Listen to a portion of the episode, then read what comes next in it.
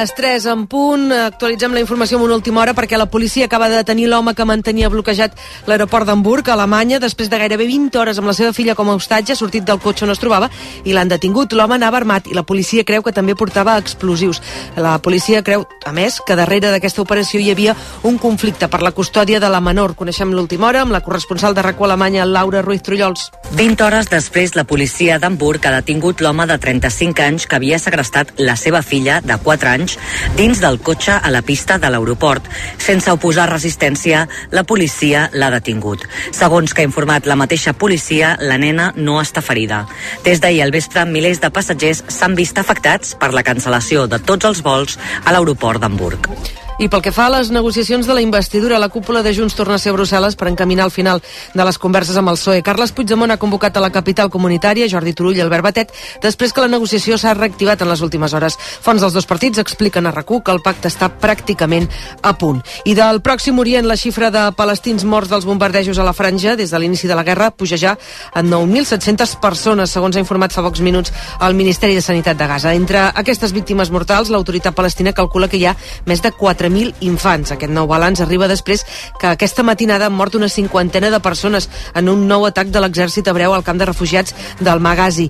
Durant aquesta ofensiva al centre de la franja de Gaza, les autoritats palestines han denunciat 15 bombardejos al voltant d'un hospital. I l'Espanyol destitueix el tècnic Luis García. Els mals resultats en, la, en les darreres setmanes i la falta de sintonia del tècnic amb el director esportiu Frank Garagarza han acabat de cantar la decisió del club. Luis Miguel Ramis és el més ben situat per convertir-se en, el, en el nou tècnic de la banqueta de l'Espanyol, l'ex, entre d'altres, entrenador del Tenerife. Mentrestant, el Girona, líder de la Lliga, i el Barça, que hi va sobreviure al Real Arena, estaran pendents avui del partit del Real Madrid, al Santiago Bernabéu contra el Rayo Vallecano, a partir de les 9 en directe al Superesports. El Barça, per cert, tenim llista de convocats per jugar dimarts la Champions al camp del Shakhtar. Continuen de baixa Frenkie de Jong i Sergi Roberto. I acabem amb el temps. Martí Oliveres, demà començarem la setmana amb temperatures més baixes. Sí, tocarà abrigar-nos perquè vindrem d'una nit que haurà estat freda i fins i tot la següent, la de dilluns a dimarts i la de dimarts a dimecres, seran nits encara més fredes. El termòmetre pot baixar fins i tot dels 0 graus. Tindríem les primeres glaçades de la temporada de la tardor fora del Pirineu. Per tant, ambient fred de ple mes de novembre per encetar la setmana. Això sí, avui està pujant la temperatura amb aquest vent de ponent que encara pot bufar amb alguns cops una mica forts en zones de muntanya, però amb tendència a anar afluixant clarament i també demà ja una situació marítima molt més tranquil·la, amb sol i a la tarda amb alguns ruixats a les comarques gironines. Les 3 i 3, tanquem el racó migdia que hem fet la redacció d'informatius i d'esports amb el Marc Selva, el control tècnic. A partir d'ara continuarem pendents de l'actualitat, escoltat els avanços informatius. A partir de les 4 al Superesports i a les 11 el Tu diràs. Nosaltres tornem demà a les 2. Ara us deixem amb el viatge bé. Bona tarda.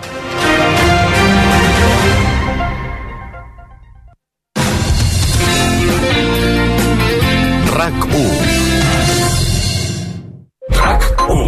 contingut de rac també a les xarxes socials. Vídeos i històries exclusives. Notícies. Entrevistes. Reportatges. Descobriu com és la ràdio per dins. Twitter, RAC1, Instagram i TikTok. RAC oficial. RAC1. Seguiu-nos. Som 1. Notícies, esports, Entreteniment. Tot allò que t'expliquem a RAC1 ho portem al web. rac1.cat. El portal de notícies de RAC1. Teniu la maleta a punt, oi? Perquè ara mateix sortim de viatjar. A RAC1, viatge bé, amb Esther Muñoz.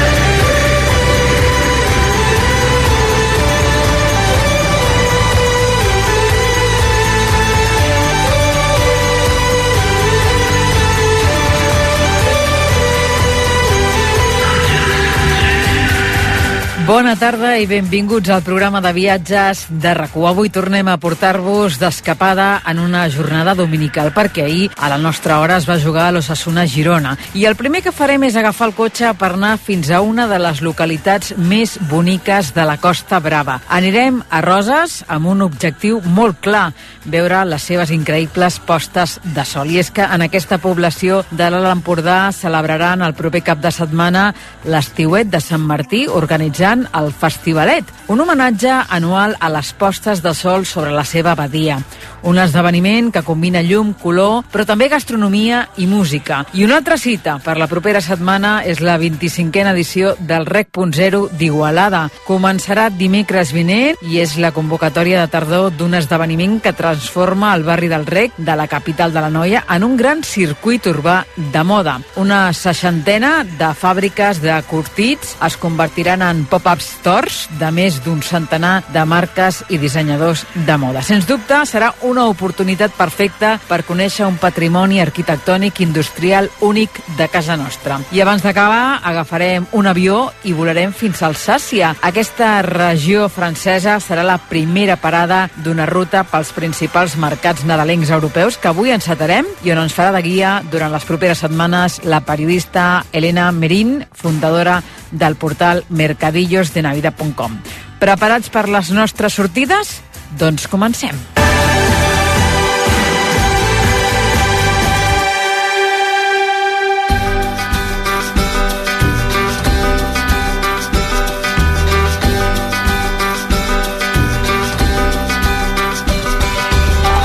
Teniu pla pel proper cap de setmana? Us proposem anar a l'Empordà, concretament a Roses, on dissabte 11 i diumenge 12 de novembre se celebrarà un any més el Festivalet, una experiència única pels sentits, un homenatge que es fa anualment en aquesta població de la Costa Brava a les postes de sol. Per saber més detalls d'aquest esdeveniment, saludem ara mateix l'artífex d'aquesta proposta, el senyor Fèlix Llorenç, promotor del Festivalet i regidor de Turisme i Promoció Econòmica de la localitat. Fèlix, bona tarda, benvingut al programa de viatges de rac al Viatge B. Hola, bona tarda.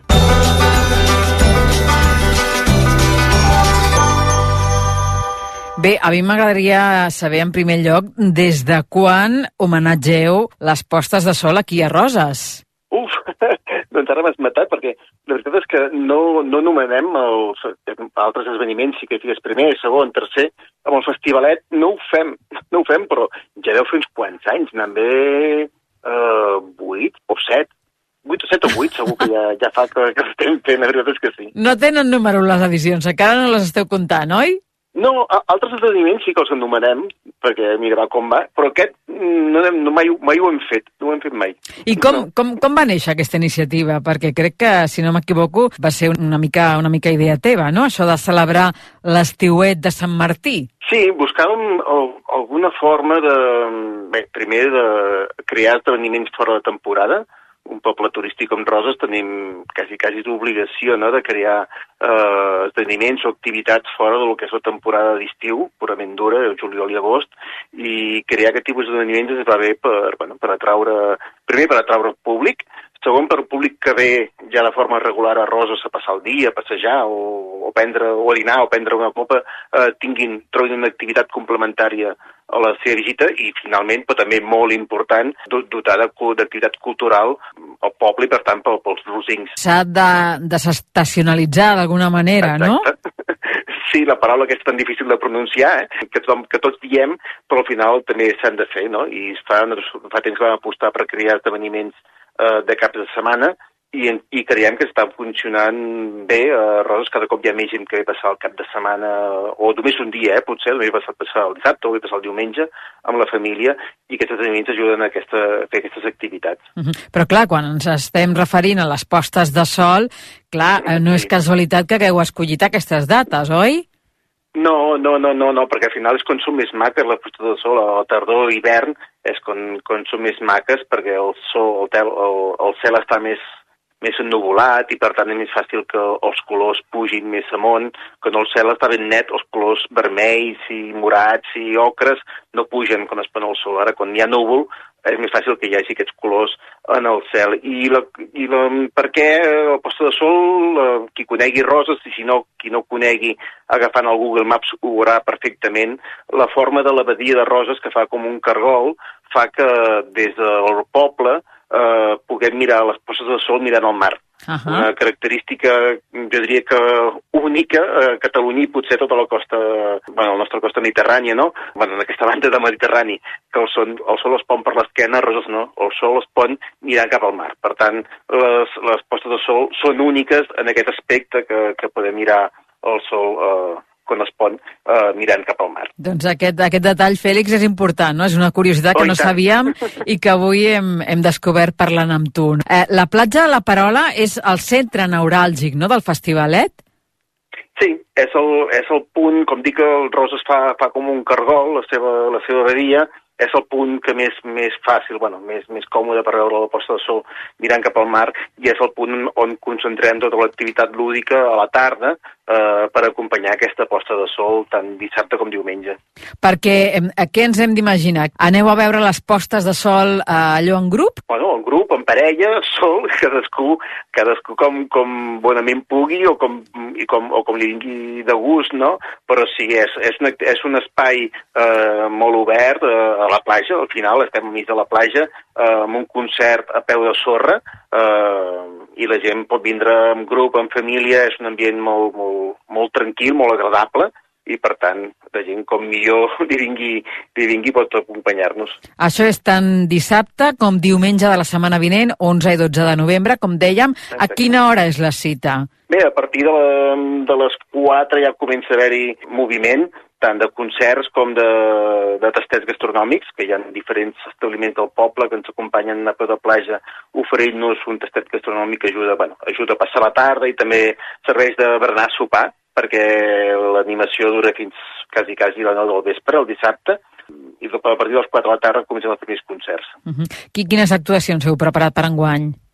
Mira, aquest any, el, el dissabte, tenim, comencem a les 4 amb en Guillem Remisa, a les 5 amb l'Abril Graviele i, uh, i a les 6 i mitja amb, el, amb el, un concert del grup uh, Mercabanda i acabem un DJ a partir de les 8. I el diumenge fem més escuet perquè la gent entenem que té de tornar cap a casa quan acaba quan acaba l'activitat. Comencem igualment a les 4 amb un concert de la Carlota Flaner, a les 5 un concert de, i a les 5 concert de clima i acabem a les 6 i mitja amb un DJ que acaba de- d'amenitzar la tarda, però com veus acabem abans perquè som conscients que molta de la gent que ens visita el diumenge ve de fora i ha de tornar abans cap a casa seu per preparar totes les motxilles dels nens per l'endemà, no? clar, clar. O, o, o preparar-se per, la, per la jornada laboral del, del dilluns. L'operació tornada. Sí. Escolta'm, Bueno, Fèlix, Per nosaltres és sortida, per per vosaltres és tornada a Sí. Barcelona, per nosaltres és sortida. això m'imagino que és una activitat gratuïta. Evidentment, sí. Uh, ho fem a la platja, a l'aire lliure, per tant, tothom que vingui pot vindre passejant des d'allà on estiguin del poble i van sentint la música fins que arribin.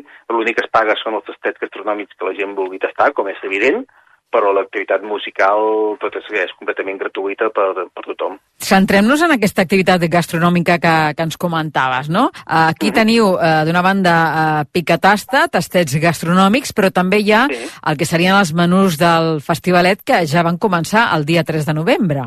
Sí, els hem allargat 15 dies per, per, per aprofitar-los al, al màxim i són diferents eh, restaurants que fan un menú eh, adaptat pel festivalet amb un preu especial pel festivalet i sobretot amb, amb uns productes de temporada. Això sí que els demanem que tots els menús mm, del festivalet siguin menús eh, amb productes de tardor que, que la gent, bueno, que al final és el que hem de promocionar, no? Tant el, si promocionem els productes de quilòmetre zero, hem, ens veiem obligats a promocionar els productes de temporada, que són els que es fan quan toca.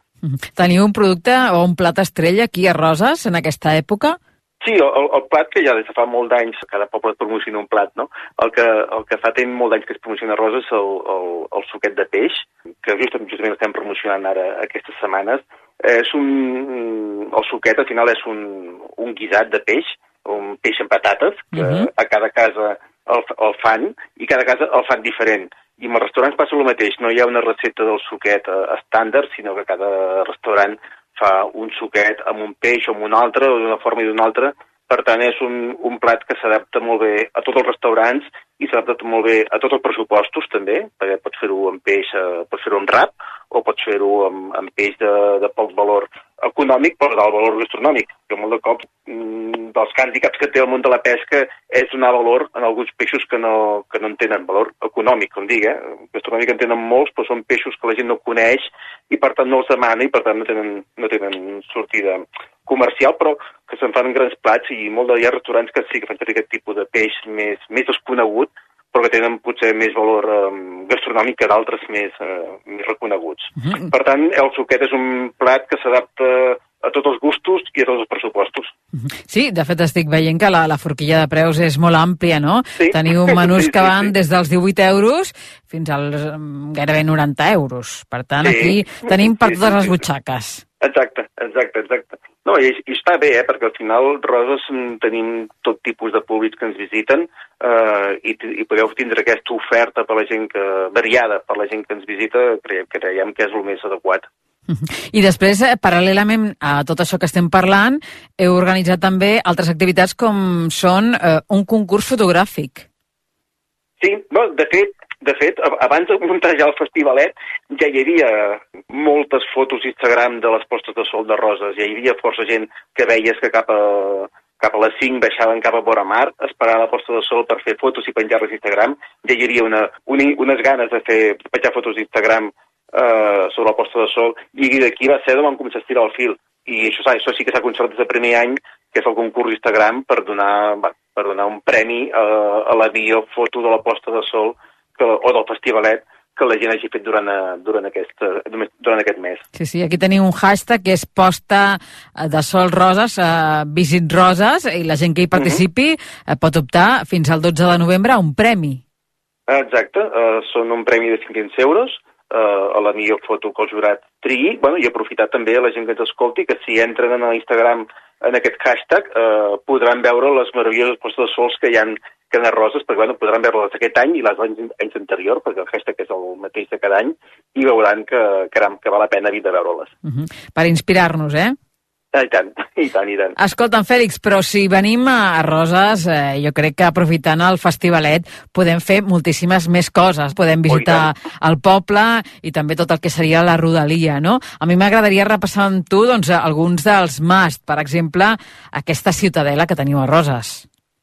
Sí, la Ciutadella de Roses, que bueno, tothom que a Roses l'ha vista, està just a l'entrada, però que molta gent no hi entra, li costa molt entrar-hi, o, o passa per davant, la veu majestuosa, però desconeixen que es pot entrar. A, a animals, ara és bona època per anar-hi, potser més que l'estiu, que és com la més gent tenim a Roses, com tots els pobles de costa, però bueno, que fa molta calor. I ara que ja baixa la calor però encara hi està bé el carrer, és bona època per descobrir, per exemple, la ciutadella de Roses, entrar i fer el... descobrir la història del poble, perquè al final dintre la ciutadella tenim des d'assentaments grecs i romans, és, a dir, des de fa més de 2.000 anys, fins a la ciutadella renaixent, renaixentista que, hi ha, que és el que l'envolta. Eh, per tant, és una bona manera de descobrir la història de Roses i descobrir la cultura rosinca. Uh -huh. És obert al públic sempre? Sí, és obert al públic, a l'entrada, i no facis dir, és, un- preu molt, molt econòmic. L'entrada lliure, eh? si no és guiada, és un preu molt econòmic i gairebé simbòlic, eh, i a dintre és entrar a un altre món, perquè tot, tot i que està l'entrada de Roses, atravesses la porta de mar, que és la porta majestuosa que hi ha davant, i desapareixen els sorolls, i entres a, a dintre d'un gran parc verd que, que bé, que és una zona molt relaxant per anar a descobrir la història de Roses o per anar a passejar-hi per dintre, eh? és, un, és un espai molt, molt, molt maco. Una meravella, sí, sí. I el casc antic, què me'n dius? Sí, també, eh, Roses és, un, és una vila històrica, té un casc antic també molt agradable, per la gent pot passejar, eh, descobrir els seus comerços, descobrir els seus restaurants o bars, prendre's, prendre's alguna cosa i passar també una estona agradable passejant pels carrers del poble. També teniu el Castell de la Trinitat, que és una altra visita important. Sí, una, una fortalesa, una, una fortalesa d'artilleria que complementava, en època del Renaixement, militarment complementava la ciutadella de Roses. És un gran mirador de l'abadia de Roses, només per les vistes ja val la pena pujar i veure-ho, i a part hi ha un museu, un museu interpretatiu on la gent, tot el que explicava fa un moment de, de la història de Roses, des de l'època dels romans, entendran la, la situació geoestratègica important que tenia Roses durant, durant 2.000 anys, que era un punt estratègic eh, marítim, eh, tant comercial com militar, ja que era el primer port natural que trobava qualsevol vaixell que vingués costejant des de, des de Marsella. Per tant, estratègicament sempre ha sigut Roses una plaça molt important i, i el Institut Trinitat està museïtzat en aquest aspecte, que la gent pugui descobrir aquesta història que, del, del poble. Uh -huh. Fèlix, abans ens comentaves que ara és una molt bona època per anar a Roses per allò de que no hi ha tant de turisme com a l'estiu. Mhm. Um, si haguéssim de, de mm, trepitjar doncs, cales, platges, quines ens recomanaries? bueno, de cales cadascú té la seva, la seva preferida. Eh, no n'hi ha cap d'iguala i que tothom, tothom té una o altra que li agrada més o menys eh, sense cap gaire sense cap gaire rigor, eh? diguéssim, més per romanticisme que per altra cosa. A mi m'agrada molt anar a la Pelosa, però bé, com dic, tothom té, té la seva preferida. El que més recomanable per a la gent que li agrada caminar és agafar, mm, anar ben calçat, fer, i fer el camí de ronda, que les podran visitar totes una, una rere l'altra i, i les podran, és la millor forma de descobrir-les, agafar, calçar-se bé i anar a fer el camí de ronda i visitar-les una a una. De fet, el que podem fer és fins i tot una excursió fins al Parc Natural de Cap de Creus. Exacte, sí, Roses, al final, allà on acaba l'última casa del poble, comença el Parc Natural. Estem ben bé enganxats al Parc Natural. Um, tenim 3.000 hectàrees de, de Parc Natural dintre del terme municipal.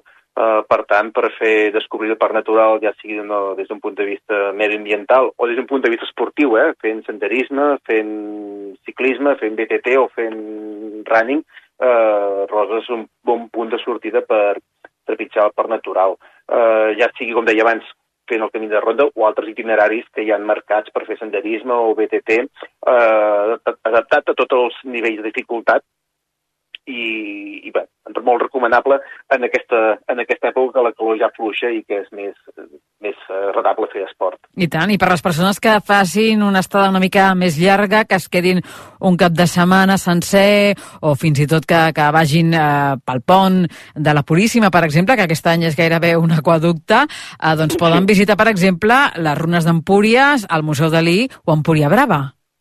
Exacte, des de Roses és un bon punt de sortida per descobrir tot l'Empordà, com has dit tu, doncs, descobrir el Museu, el Museu de Vida Figueres o anar cada que és una tarda a veure Port Lligat, anar a veure Sant Pere de Roda, anar a veure la, la, a Vila Beltran, el, el, el monestir, al final és, Roses és un bon punt, un bon, un bon hub on descobrir totes les virtuts eh, que té l'Empordà, tant a nivell eh, històric, que estem anomenant, o a nivell gastronòmic, o altres nivells culturals que, que bé, que l'Empordà és molt ric en totes aquestes coses i és molt difícil potser anar-hi des de, des de l'origen, no? des d'allà on viuen la gent que ens visita, però des de Roses tenen una bona base per anar descobrint-ho. I per complementar tot el que ens estàs explicant, se m'acudeix fins i tot també fer una visita a la casa natal de Dalí, que ha obert a Figueres. Sí, no, no encara no l'he pogut veure, he vist només el, el reportatge que havien fet, però sí, sembla que és prou, prou interessant per anar a passar-hi un matí o una tarda i, i descobrir-la. Al final, de Roses Figueres són res, 20 minuts encara no, uh, 20 minuts agafant el cotxe i aparcant-lo, vull dir que, que és fàcil d'arribar-hi i bueno, és una, una altra sortida que poden fer, poden aprofitar la gent i tant. Escolta'm, si venim a Roses, pel que fa al allotjament, quina oferta ens trobarem ara en aquesta època? Bé, evidentment, no és, tanta com, no estan tots els hotels oberts, però els hotels, els hotels més cèntrics al poble sí que eh, els troben oberts, i si no, eh, l'oferta d'habitatges turístics és molt elevada Roses, tant a l'estiu com, com a l'hivern, i per tant la gent no trobarà problemes en, en trobar el seu tipus d'allotjament preferit, fins i tot hi ha algun càmping que no tenca. Eh, és a dir, que hotels des de 3 a 5 estrelles oberts, càmpings oberts, eh, allotjaments turístics també oberts. Per tant, l'oferta d'allotjament és eh, 100% eh, oberta a tothom. Doncs Fèlix Llorenç, promotor del Festivalet, d'aquest festival que és un homenatge a les postes de sol a Roses, regidor també de Turisme i Promoció Econòmica de la localitat. Enhorabona per la idea, esperem que torni a ser un, un èxit, eh, com ho és cada any, i escolta'm, mm. en tornem a parlar l'any vinent. Perfecte, moltes gràcies. Una abraçada. Igualment. Adéu.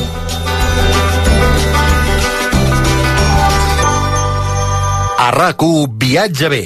Viatge per Catalunya amb Esther Muñoz.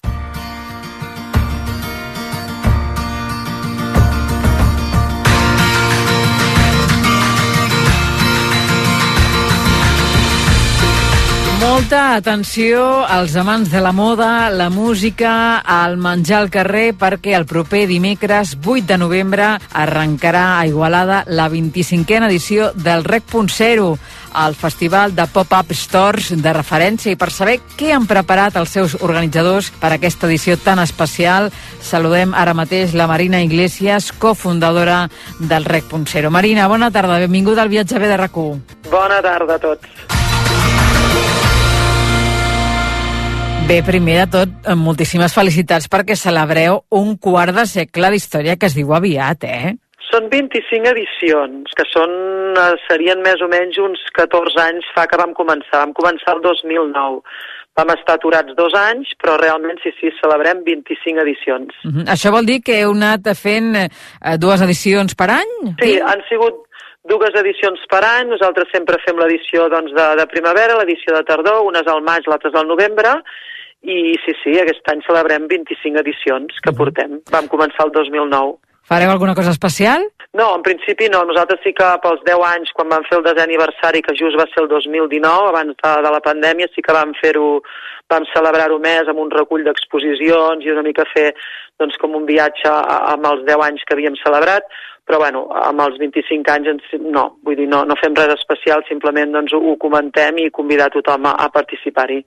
Va, abans d'anar amb tot el que heu preparat per enguany, m'agradaria fer una mica de remember amb tu i que ens expliquis com va néixer el REC. Mira, el Festival del Rec va néixer doncs, el 2009, com et comentava, en un barri industrial, el barri del Rec d'Igualada, que tradicionalment havia sigut un barri on hi havia hagut una, una activitat adobera impressionant, hi havia hagut doncs, al voltant d'unes 250 empreses de curtits en funcionament, i al llarg dels anys, amb les diferents crisis, amb les circumstàncies, van anar tancant. I actualment hi ha al voltant de 25 empreses que funcionen. Això què vol dir?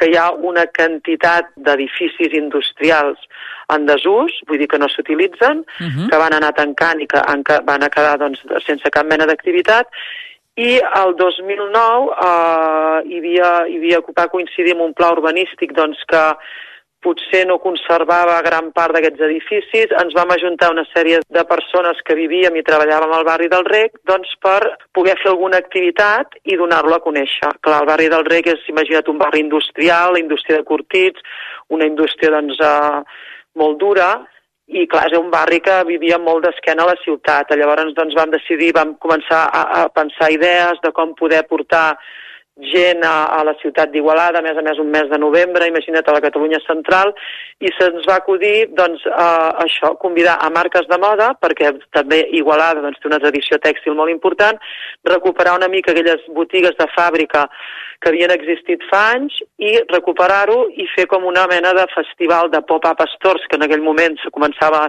a sentir el tema de pop-up stores a botigues efímeres.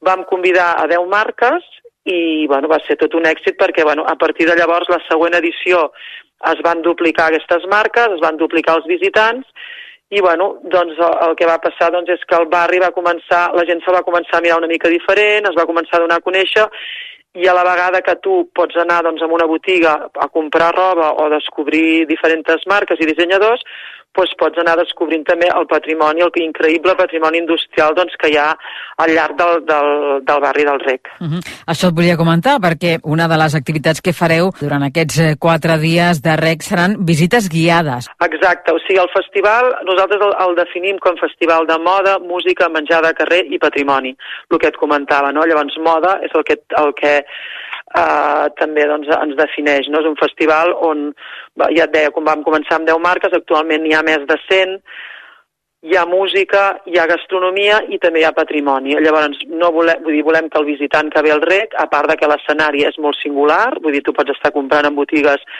de moda i de dissenyadors doncs, amb un escenari molt diferent, que també tinguis la possibilitat doncs, de visitar i de descobrir el, el procés adober doncs, des del passat, perquè hi ha visites guiades totes gratuïtes, doncs, hi ha visites guiades uh, al, al Museu de la Pell, on pots veure com era el, el procés d'adober abans, hi ha visites guiades amb fàbriques amb actiu, es pot visitar Cal Badia, on pots veure actualment com és el procés doncs, la pell, i després també fem unes visites guiades que és una mica veure el futur el futur, o com pot ser un d'aquests edificis si tots es transformessin, que és una mica el que nosaltres reivindiquem, és a dir, que el barri pot convertir-se aquests edificis es podien reconvertir en altres espais, doncs cada edició ensenyem una mostra doncs, d'edificis d'aquests antics recuperats i reconvertits doncs, en estudis de dissenyadors, estudis de pintors, espais de coworking, etc. I cada edició doncs, n'ensenyem tres o quatre, hi ha com Sí, unes sí. visites guiades també. Organitzeu un viatge pel patrimoni industrial del barri del Rec. Una de les coses que fareu dijous 9 de novembre a les 11 és celebrar el Rec Portes Obertes. Exacte, aquí celebrem, doncs, sí, sí, celebrem el, el Rec Portes Obertes, on es poden visitar, en aquest cas, tres, tres espais reconvertits, que havien sigut o tintoreres o empreses de curtits, reconvertits amb nous usos, que és una mica el que nosaltres portem reivindicant des d'aquell 2009 que vam començar. És a dir, que al barri del Rec, tota aquesta quantitat d'edificis que estan en desús, doncs es poguessin reconvertir en un canvi d'usos i de normatives, es poguessin reconvertir doncs, en altres espais, o inclús en botigues, o inclús en habitatges, etc. Mhm. Una d'aquestes antigues tintoreres que es podrà visitar enguany al Rec.0 és l'adoberia. Exacte, aquí la Doveria és on nosaltres, els Recastors, l'empresa, doncs, eh, tenim les, les nostres oficines i on també doncs, hi ha l'estudi del Jordi Ribaudí i de la Mar Ribaudí. És una antiga tintoreria que doncs, es va de tres plantes, es va reconvertir i actualment doncs, és un espai on, on, on hi ha diferents professionals del disseny i nosaltres també tenim les oficines. Mhm. També obrireu la Bastida, no? Què ens pots explicar d'ella? La Bastida també és un espai que també estava dins de tot una, de tota una zona doncs, eh, on, on hi havia empreses de, de, de curtits i uh, un grup de, de joves, el 2011, doncs es van ajuntar, van muntar com una cooperativa i és un espai culturalment molt actiu on els caps de setmana doncs, hi ha concerts, hi ha, hi ha teatre, hi ha dansa, hi ha moltíssimes activitats. I es podrà veure doncs, bueno, a, a l'espai que ens ha convertit, també amb una mena de pati. Al costat just d'aquest- d'aquesta vestida també hi ha un espai amb una mena de boxes on diferents músics igualadins doncs, hi van assajant i han assajat durant molts anys. Vull dir que és un espai culturalment molt actiu. Mhm. I de la Creueta? I de la Creueta també és una antiga duberia que també s'ha reconvertit recentment en un espai de coworking on es poden llogar les sales, on hi ha diferent gent que té el seu espai per treballar-hi i que també doncs, és, un, és un atractiu molt interessant i que també ha començat doncs, a recuperar una zona del carrer Creueta on s'estan també o sigui, a partir d'aquí estan naixent altres, altres uh, locals que també es reconvertiran. Mhm. Veig al programa que també hi haurà visites guiades gratuïtes cada dia a les 11, com aquesta que he organitzat a l'antiga adoberia Cal Granotes. Exacte, això és el que et comentava. Aquí pots descobrir, és una mica veure el passat i la tradició adobera que té Igualada, que té moltíssims anys, i aquí doncs, és igualment una visita guiada gratuïta on pots descobrir doncs, el, el passat adober i com abans es feien el, el, el món dels curtits. Uh -huh. I també hi ha una visita que es diu Història d'Igualada, el rec i les adoberies. Sí, sí, aquesta és molt interessant. Es comença des del centre de la ciutat i es va baixant i també es veu una mica com va canviar la morfologia de la ciutat en base al barri d'Uber i doncs també és una visita que també és, crec que és la segona edició que la fem i també doncs és molt, molt apreciada i la gent li agrada. O sigui, Igualada és una ciutat on la indústria dels curtits doncs, ha sigut una indústria molt, molt important, on moltíssimes famílies, moltíssima gent, moltíssims treballadors hi han estat vinculats al llarg dels anys i que també ha afectat doncs, a, la, a, la, a, la, a la forma doncs, de la ciutat no? i de les dinàmiques doncs, de, de l'entorn. La veritat és que um, l'agenda cultural del Rec.0 és molt, molt diversa.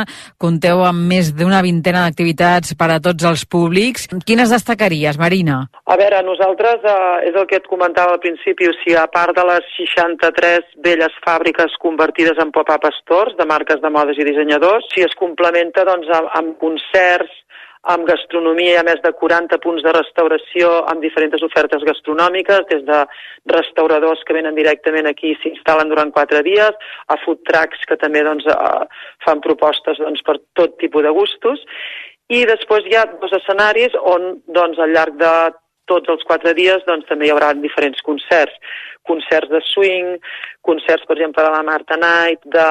després també hi ha una dansa, el dimecres també hi ha una dansa, dansa urbana, o sigui, una mica per tots els públics. Uh, la Marta Night, l'Albert Nieto, Marta Vidal, el grup Avalon, etc. També hi ha monòlegs, Després també molt interessant, també hi ha unes xerrades a la planta El Rec Imperdible, que és una planta on hem agrupat totes les marques i dissenyadors locals i de moda sostenible i allà hi haurà tallers d'upcycling eh, gratuïts, hi haurà el mercat d'intercanvi també dimecres i dissabte i després també hi haurà eh, xerrades. Hi haurà xerrades, hi ha una xerrada de Marta Pontnou el dimecres, uh Mhm. -huh. hi ha una xerrada sobre reduir el, el, el tema del reciclatge també divendres. Tot això ho trobareu a l'agenda, eh? que igual ara us ho estic dient molt ràpid, però déu nhi això... és que és un no parar, això, és un no parar. Sí, sí, sí, és que t'ho estic dient tot, però això millor a l'agenda, us convidem, entreu a la web, mireu l'agenda, però vull dir que n'hi ha per tots els públics. Després també dissabte també hi ha tallers infantils, doncs per, uh, per,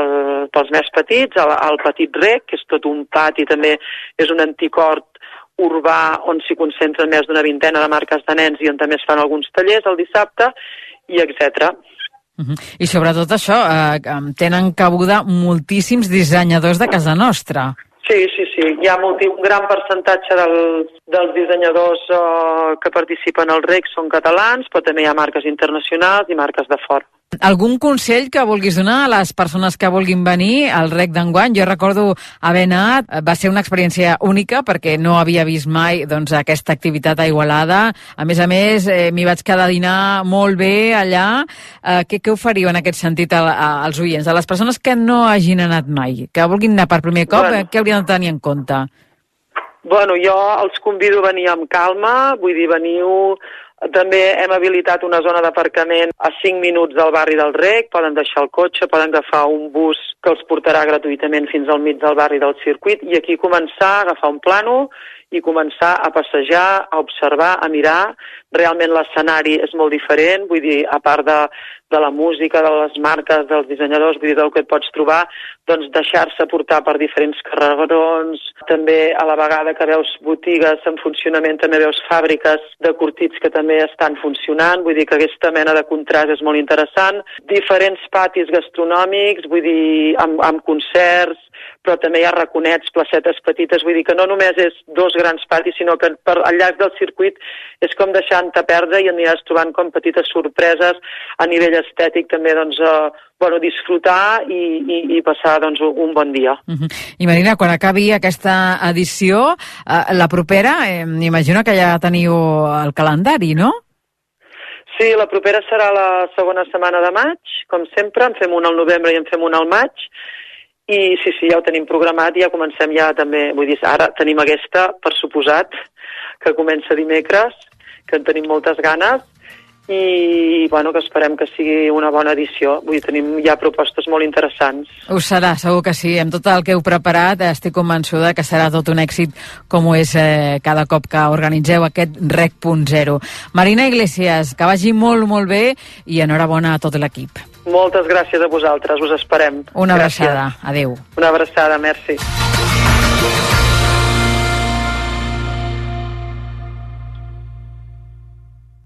Descobreix les novetats d'aquest novembre i els millors festivals amb entrades de Vanguardia.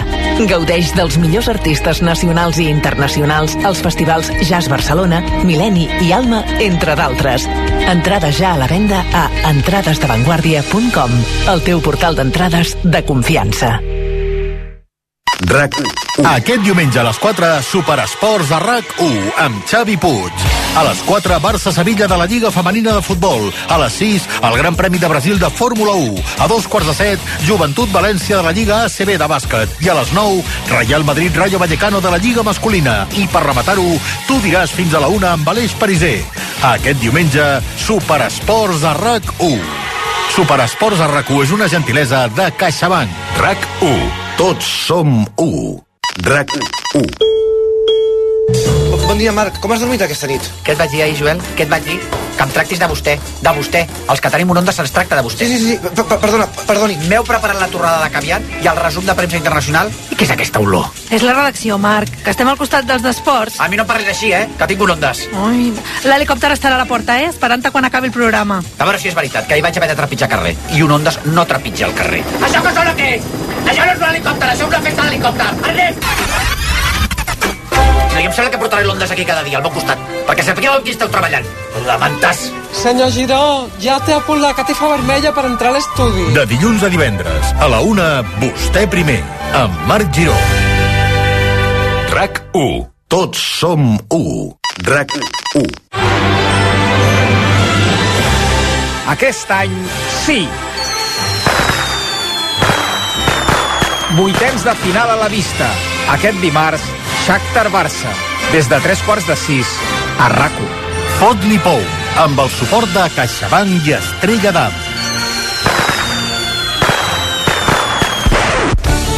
I després la resta de la jornada de Champions fins a les 11 amb Jaume Molló, amb especial atenció al Milan París Saint-Germain, a l'Atlètic de Madrid Celtic de Glasgow, al Manchester City Young Boys i el Porto Anvers del grup del Barça. I per rematar-ho, tu diràs amb Aleix Pariser, aquest dimarts, tarda nit de Champions a RAC1. RAC1. Tots som 1. RAC1.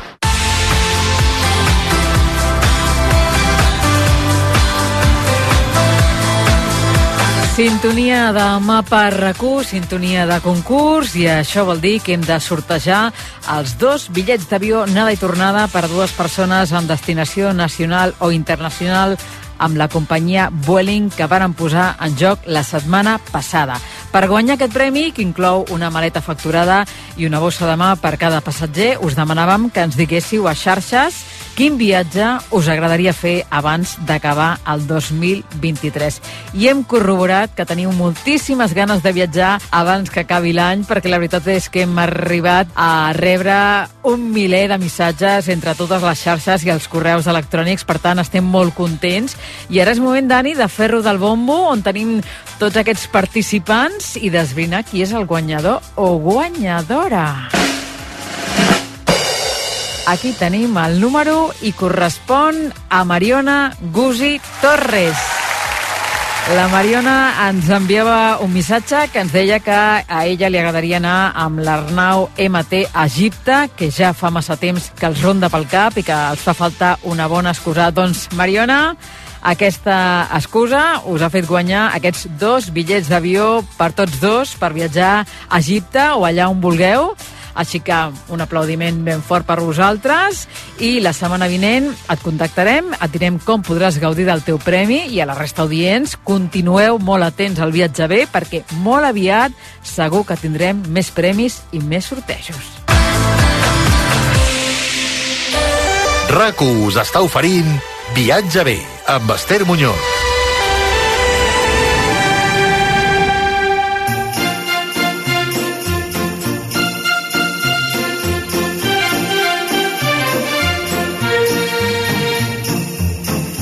Ja ha començat la temporada de mercats de Nadal a Europa. Sabem que sou molts els que ja esteu planificant escapades nadalenques amb aquesta excusa i per això, si encara no teniu massa clar en quina direcció volar, doncs hem pensat que seria interessant, com ja venim fent les darreres temporades al Viatger de rac demanar-li a la periodista i blogger de viatges Helena Merín que ens acompanyi durant aquestes properes setmanes i que ens inspiri una miqueta. Ella és la creadora del portal mercadillosdenavidad.com i aquesta temporada 2023 doncs, ens farà una ruta pels millors mercats nadalencs. Helena Merín, bona tarda. Hola, Esther, encantada d'estar aquí amb tu. Benvinguda, igualment. A més a més, que recordo que les últimes temporades hem hagut de fer la secció per telèfon amb la pandèmia i amb situacions diverses i avui estem molt contents de que estiguis a l'estudi. Ara ens veiem cara a cara doncs, per, per parlar d'aquestes destinacions tan xules. Sí, de fet, ja et vàrem tenir aquí al mes de setembre fent un road trip amb la Gemma Santiago també de Divinos Sabores, del portal gastronòmic vàrem anar a la Rioja plegades, però avui canviarem directament de destí, canviem una miqueta el decorat i anem a fer, a més a més, un dels teus viatges preferits de l'any. Cada any em reservo uns dies i escullo una destinació diferent doncs, per, per veure aquests mercats de Nadal, d'aquest ambient nadalenc, doncs, que tan màgic és. Fa molt que ho fas, això, Helena? Doncs fa una mica abans de la pandèmia. I escolta'm, eh, això de crear un, un blog específic, eh, ho vas fer perquè no n'hi havia cap? Eh, per quin motiu va ser? No n'hi havia cap, sí que vaig veure l'oportunitat i veia que era un contingut que s'anava com llegint bastant, que s'anava posant de moda. De fet, l'any passat penso que va ser un, un any molt bo a nivell del blog i, i la veritat és que ara ja penso que aquí a Catalunya doncs, és un viatge doncs, que ja la gent té en ment. I tant, sí, sí, hi ha hagut un boom, sens dubte, eh, dels mercats de, de Nadal i quan arriben aquestes dates ja comencem a veure, sobretot a xarxes, doncs, persones que, que van a, a diverses destinacions europees i que pengen fotografies, que comparteixen que els mateixos destins també doncs, eh, promocionen aquesta època de l'any i el que dèiem a l'inici, no? que és l'excusa per fer alguna també durant Nadal, que ens encanta viatjar i els que ens agrada viatjar ens inventem el que sigui per sortir de casa. Exacte, no és només anar de compres a Nadal, sinó que aprofitem, viatgem i veiem eh, com es celebren en altres llocs. Uh -huh. I aquest any cap a on aniràs? Aquest any, doncs, eh, vull fer una ruta per Suïssa, per pobles nadalencs i també algunes ciutats, Montreux, Zúrich, Lauterbrunnen, i espero que estigui una mica nevadet. Quan ho faràs, això, Helena? Ho faré la tercera setmana de desembre, després del pont, uns dies, i bé, la veritat és que tinc moltes ganes. Home, normal, t'hauràs d'abrigar, eh? Perquè a Suïssa fa fred. Fa fred, però amb algun vinet calent això passa una mica millor. Molt bé. Doncs escolta'm, eh, avui iniciem aquest recorregut de, de la temporada 2023 de Mercats de Nadal i ho fem al Sàcia. Ja hi vam anar la temporada passada. Vull saber per què insisteixes en que hem de parlar del Sàcia. Per què? Eh, la veritat és que Alsàcia és com el viatge iniciàtic de moltes persones que fan que volen conèixer com són aquests mercats de Nadal, que tant veuen per xarxes, de, que tant han sentit a parlar, i és una destinació que està molt propera a Catalunya, relativament, fins i tot pots arribar amb cotxe, uh -huh. i és una de les més visitades i una de les destinacions estrella dels mercats nadalencs. Ah, és una regió francesa, eh? Exacte, és una regió francesa a tocar amb Alemanya. Eh, allà què, què seria el més destacat? Llavors, els seus mercats de Nadals eh, són molt populars per la seva decoració, estan molt cuidada també per la seva il·luminació i la seva tradició, ja que, per exemple, a Estrasburg celebra un dels mercats de Nadal més antics d'Europa. Llavors, a banda de visitar aquesta, la capital d'Alsàcia, que és Estrasburg, també podeu gaudir d'aquesta màgia del Nadal Alsàcia, del Noel francès a altres pobles, que als seus centres històrics conserven una arquitectura medieval, que és el gran reclam també d'aquesta regió, com per exemple Colmar. Fantàstic. Escolta'm, quines recomanacions ens donaries per preparar un primer viatge iniciàtic, com tu deies, a Alsàcia? Per Nadal. Si teniu la intenció de visitar Alsàcia per aquestes dates, doncs alguns consells us poden anar bé. Per exemple, heu de saber que la majoria de mercats nadalencs, com els d'Estrasburg, els de Colmar, els de Mulhouse, els de Riquevier, obren de dilluns a diumenge a partir de la tercera setmana de novembre i fins al dia de Nadal tot i que alguns allarguen una mica més la data fins a cap d'any. Uh -huh. Llavors, això, obran de dilluns a diumenge. Hi ha més dies a banda del cap de setmana, que és quan la majoria de persones els visiten, i llavors entre setmana potser estan una mica més descongestionats. Perfecte, això tenint en compte, eh? si la gent es pot agafar vacances entre setmana, doncs anirem als mercats que no trobarem tanta gent i serà més fàcil la visita. Exacte, jo de fet us recomano, sobretot si agafeu el pont de desembre o algunes dates abans del pont i després, la veritat és que es nota si vas entrar de dilluns a divendres, l'ambient està més, més relaxat i es gaudeixen. El pont del desembre, que aquest any és directament un aquaducte, eh? perquè les persones que es puguin agafar tots els dies fan pràcticament una setmana sencera. I doncs mira, doncs aquí al Sàcia doncs, és un bon destí perquè de veritat podeu fer una ruta de diversos dies i hi ha opcions molt interessants. Després hi ha mercats de Nadal que són específicament de cap de setmana, no? Sí, el Sàcia té aquesta curiositat eh, que alguns dels pobles celebren aquests mercats de Nadal només en unes dates determinades. I especialment, com per exemple Ribeauvillé, Berghem o Kaisersberg, i llavors la majoria doncs, ho fan, per exemple, a Ribolviller els dos primers caps de setmana de, de desembre i altres doncs, en altres dates. Llavors heu de considerar que no tots estaran oberts eh, de dilluns a diumenge. Uh -huh. Com ens recomanes tu eh, fer aquest viatge a Alsàcia? En quin transport? Ens deies que es podien en cotxe, no sé si són moltes hores. Què, què és el més recomanable en aquest sentit? Eh, podeu arribar en cotxe des de Catalunya, és un viatge doncs, potser d'unes 8 o 10 hores, eh, depèn del que, on vulgueu parar, eh, però també teniu altres opcions, per exemple, Alsàcia en tren. Hi ha una línia que connecta la capital, Estrasburg, amb, per exemple, Colmar, que és el poble més popular d'Alsàcia al Nadal, uh -huh. i també Mulhouse, que és una altra ciutat amb, també amb mercats de Nadal força interessants. Llavors, si voleu Alsàcia i voleu estalviar una mica, no llogar un cotxe, us podeu moure amb tren és una opció que us recomano jo, de fet, el primer cop que vaig sí? anar. I com va ser l'experiència? Bona? Doncs em va agradar molt, perquè a mi m'agrada molt viatjar amb tren i ho vaig trobar molt còmode. Vaig um, arribar a Basilea, vaig veure Colmar i Estrasburg i fantàstic. Uh -huh. Després ens volies parlar també eh, d'una recomanació que té a veure amb uns autobusos. Quins sí, autobusos? a banda doncs, de, de, de poder moure's amb tren, hi ha una altra opció que són les navets de Noel. Són uns autobusos llançadera eh, que connecten en diverses línies, en cinc línies, Colmar, que és el, el poble més famós, amb els pobles que hi ha al seu voltant i que també celebren mercats de Nadal molt populars. Molt per bé, exemple, molt bé. Kaisersberg, Riquevier, Riborvillet, Egisen, Turheim i fins i tot Munster. Hi ha uns 4, 5, 6 pobles que podeu complementar doncs, eh, si visiteu aquesta zona. On podem comprar el bitllet, Helena? El bitllet el podeu comprar doncs, a la web de Navets de Noel, que té aquest nom, fàcilment, i si no també a les oficines de turisme d'aquestes poblacions. Ara hi ha moltíssimes persones que disposen d'autocaravana. És una opció també per fer aquest mercat de Nadal a Alsàcia? És una opció perquè Alsàcia està a França, que és un paradís, crec, pels autocaravanistes. Llavors, Alsàcia doncs, també té zones habilitades. Eh? Hi ha càmpings al costat de molts d'aquests pobles nadalencs.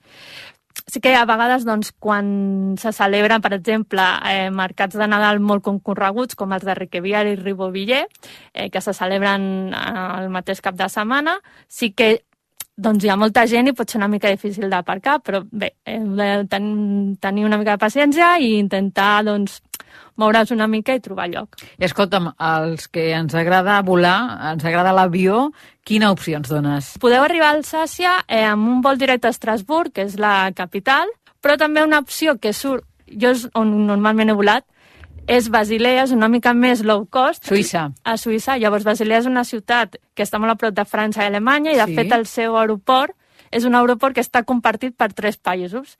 Tens la porta per sortir per Suïssa i la porta per sortir per França i per Alemanya. Llavors, des d'allà després, doncs, hi ha molt bones connexions amb Alsàcia, com us he dit, amb tren, o podeu llegar amb cotxe... I si disposeu de temps, eh, us recomano moltíssim la visita a Basilea. Nosaltres en vàrem parlar fa dues temporades aquí al Viatge B, per tant, us podeu descarregar el podcast amb totes les explicacions i realment aquesta ciutat suïssa és una destinació fantàstica. Eh, Helena, m'agradaria que ens fessis una ruta, no sé, per les persones que tinguin, per exemple, quatre dies i puguin visitar Alsàcia. Com podria ser aquesta ruta?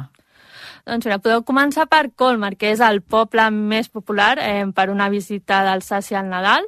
Llavors, aquest 2023 celebra els seus sis mercats de Nadal del 23 de novembre, sempre que solen començar la tercera de novembre, fins al 29 de desembre. Aquest sí que allarga una mica més del Nadal europeu, que heu de tenir en compte que sol acabar el 24 de desembre. Però en el És cas diferent que el nostre, eh? És diferent que el nostre. Hi molta gent que igual diu ah, doncs vull anar el 28 de desembre a mercats de Nadal d'Europa. Doncs pues, eh, cal trobar els que segueixen oberts. O el 6 de gener. O el 6 de gener, també. I llavors, aquest sí que allarga. Llavors, dels sis mercats Nadals que se cele... de Nadal que se celebren, eh, us recomano el de la plaça de l'Ancien Duent, que és la plaça principal de Colmar, era una antiga duana, Uh -huh. I els mercats per nens de la zona de la Petit Benís, que és una zona doncs, amb canals i que també és molt pintoresca. A banda, doncs, a Colmar també hi ha un carrer amb unes il·luminacions, amb, un- amb una zona il·luminada que, que, que veureu a totes les xarxes socials, que es troba a la Rue des Marchants, que està darrere de la plaça de l'Ancien. Uh -huh. Una zona molt maca que aquí els instagramers... Allà ha sempre gent fent reels, fent stories, perquè la veritat és que llueix molt. farà les seves delícies. Molt bé, ja tenim la primera jornada d'aquestes quatre a Alsàcia. Um, què faríem la segona? La segona, doncs, us proposaríem o podríem anar a dos pobles que celebren també eh, mercats de Nadal i que són dos pobles també molt pintorescos. Aquí tot és a França, eh, tot està molt ben cuidat i es ven molt bé el turisme. De compte, directament. S'ha de dir. Sí, llavors en el cas de Riquevier eh, trobareu mercats oberts del 25 de novembre al 21 de desembre aquests sí que obren de dilluns a diumenge durant aquestes setmanes. I és un dels pobles, eh, és difícil destacar algun, però aquest realment és espectacular per, per la seva arquite arquitectura d'entramat. Són cases molt grans, eh, amb façanes, eh, imagineu-vos doncs, com unes vigues de fusta en vertical i d'altres en horitzontal, això són els entramats, i que se'l coneix com el poble de la Bella i la Bèstia. Ah, doncs ha de ser preciós. És preciós. No està clar que Disney potser eh, es centrés només en aquest poble doncs, com a escenari d'aquesta pel·lícula Vols de dir que, dibuixos. que, que s'inspirés? Sí, el, li diuen així, però eh, suposadament també es va fixar en altres pobles. Val. Però ja, jo diria que cada poble diu que és el poble de la Bella i la Sí, Bèstia. si s'atribueix... Sí, home, clar, és una manera de vendre'l, també, no? Sí, exacte. Jo, jo ho he vist moltíssima gent que em pregunta i quin és el poble de la Bella i la Bèstia? Dic, bé, doncs pot, pot estar inspirat en Enrique Vier. Uh -huh. Aquest mercat nadalenc, eh, quins dies obre? Aquest obre del 25 de novembre al 21 de desembre. I, i a més a més, eh, després de, de visitar aquest mercat, on, on ens portaries? Què ens recomanaries? Podeu anar a Riboviller. Aquest és un mercat d'aquests limitats que només obre el 2 i el 3 de desembre i el 9 i 10 de desembre, és a dir, els dos primers dissabtes i diumenge de desembre. Uh, la resta de dies està tancat. Llavors, és molt pintoresc Alsàcia perquè sí que ja de nou trobem cases amb arquitectura d'entramats, un centre patronal, però sobretot perquè celebra un Nadal medieval. Un Nadal medieval amb jugles, amb la, els, els venedors de vi calent, els venedors de galeta de gingebre, els uh. -huh. venedors de pastissets, es vesteixen de donzelles, de monges, eh, fins i tot hi ha un campament viking. Ah, fantàstic, calent. molt bé. I, i això ho fan doncs, al llarg del, del carrer principal del poble, que el creua i el divideix en dos. Al carrer Major. Fantàstic. Va, anem, Helena, per la tercera jornada. Seguim pels pobles més pintorescs d'Alsàcia, també al Nadal. Llavors, Egisheim és un altre poble que està molt a prop de Riquevier i de Colmar. Celebra el seu mercat de Nadal del 24 de novembre al 30 de desembre. Llavors, es tracta d'un poble petit. Els seus mercats de Nadal són petits. Potser són 6 o 7, 8 xalets en, el, en diversos punts, però és un poble realment amb, amb molt d'encant perquè conserva doncs, eh, la seva estructura medieval, està com eh, amurallat, i al centre doncs, hi ha una única plaça, la plaça du Marché, amb una font, la veritat és que tot ple de flors, eh, molt de conte. I segurament que heu vist a xarxes socials doncs, algun carrer eh, que es divideix en dos i una caseta enmig, jo ho he Sí, vist moltíssim, sí, doncs això és sí, l'Epigenois i està en aquest poble. Si aneu a aquesta zona, tam també veureu molta gent fent fotografies, reels, etc.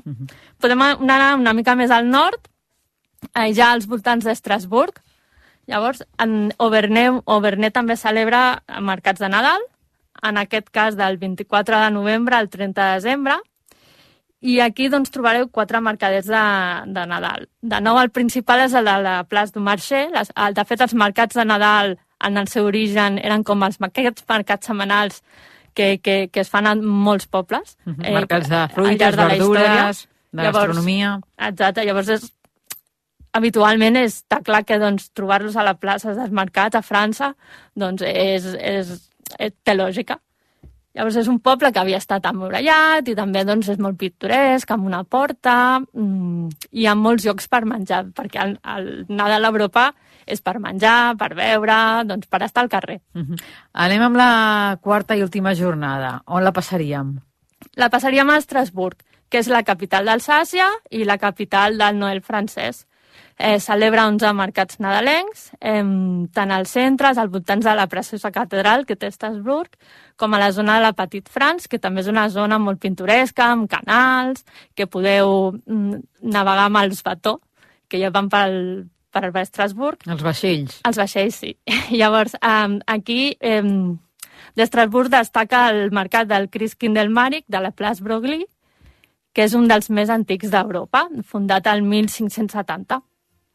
Doncs eh, avui al Viatge B hem estrenat aquesta secció de mercats de Nadal de la temporada 2023. Ho hem fet amb l'Helena Merín, fundadora del blog Mochileros de Viajes, però sobretot la creadora de mercadillosdenavidad.com, un portal, Helena, que aquests dies eh, suposo que té moltíssimes visites, no? De moltes visites, també per Instagram, moltes preguntes, de recomanacions, i jo també aprenc, eh? Doncs No. eh, els oients que aprofitin i que ja que tenim aquí, si tenen algun dubte, que contactin directament amb tu i si volen fer-te alguna pregunta molt concreta, doncs eh, suposo que no hi ha cap mena de problema, oi? Cap problema, encantada de respondre. Doncs Helena, ens quedem amb tota aquesta ruta per Alsàcia, eh? anirem agafant el calendari i mirant eh, quin és el que ens va bé, depenent de les vacances que tinguem, i t'esperem en uns dies amb una nova ruta. Molt bé, gràcies per acollir-me. Ens veiem d'aquí uns dies, que vagi molt bé. Adeu.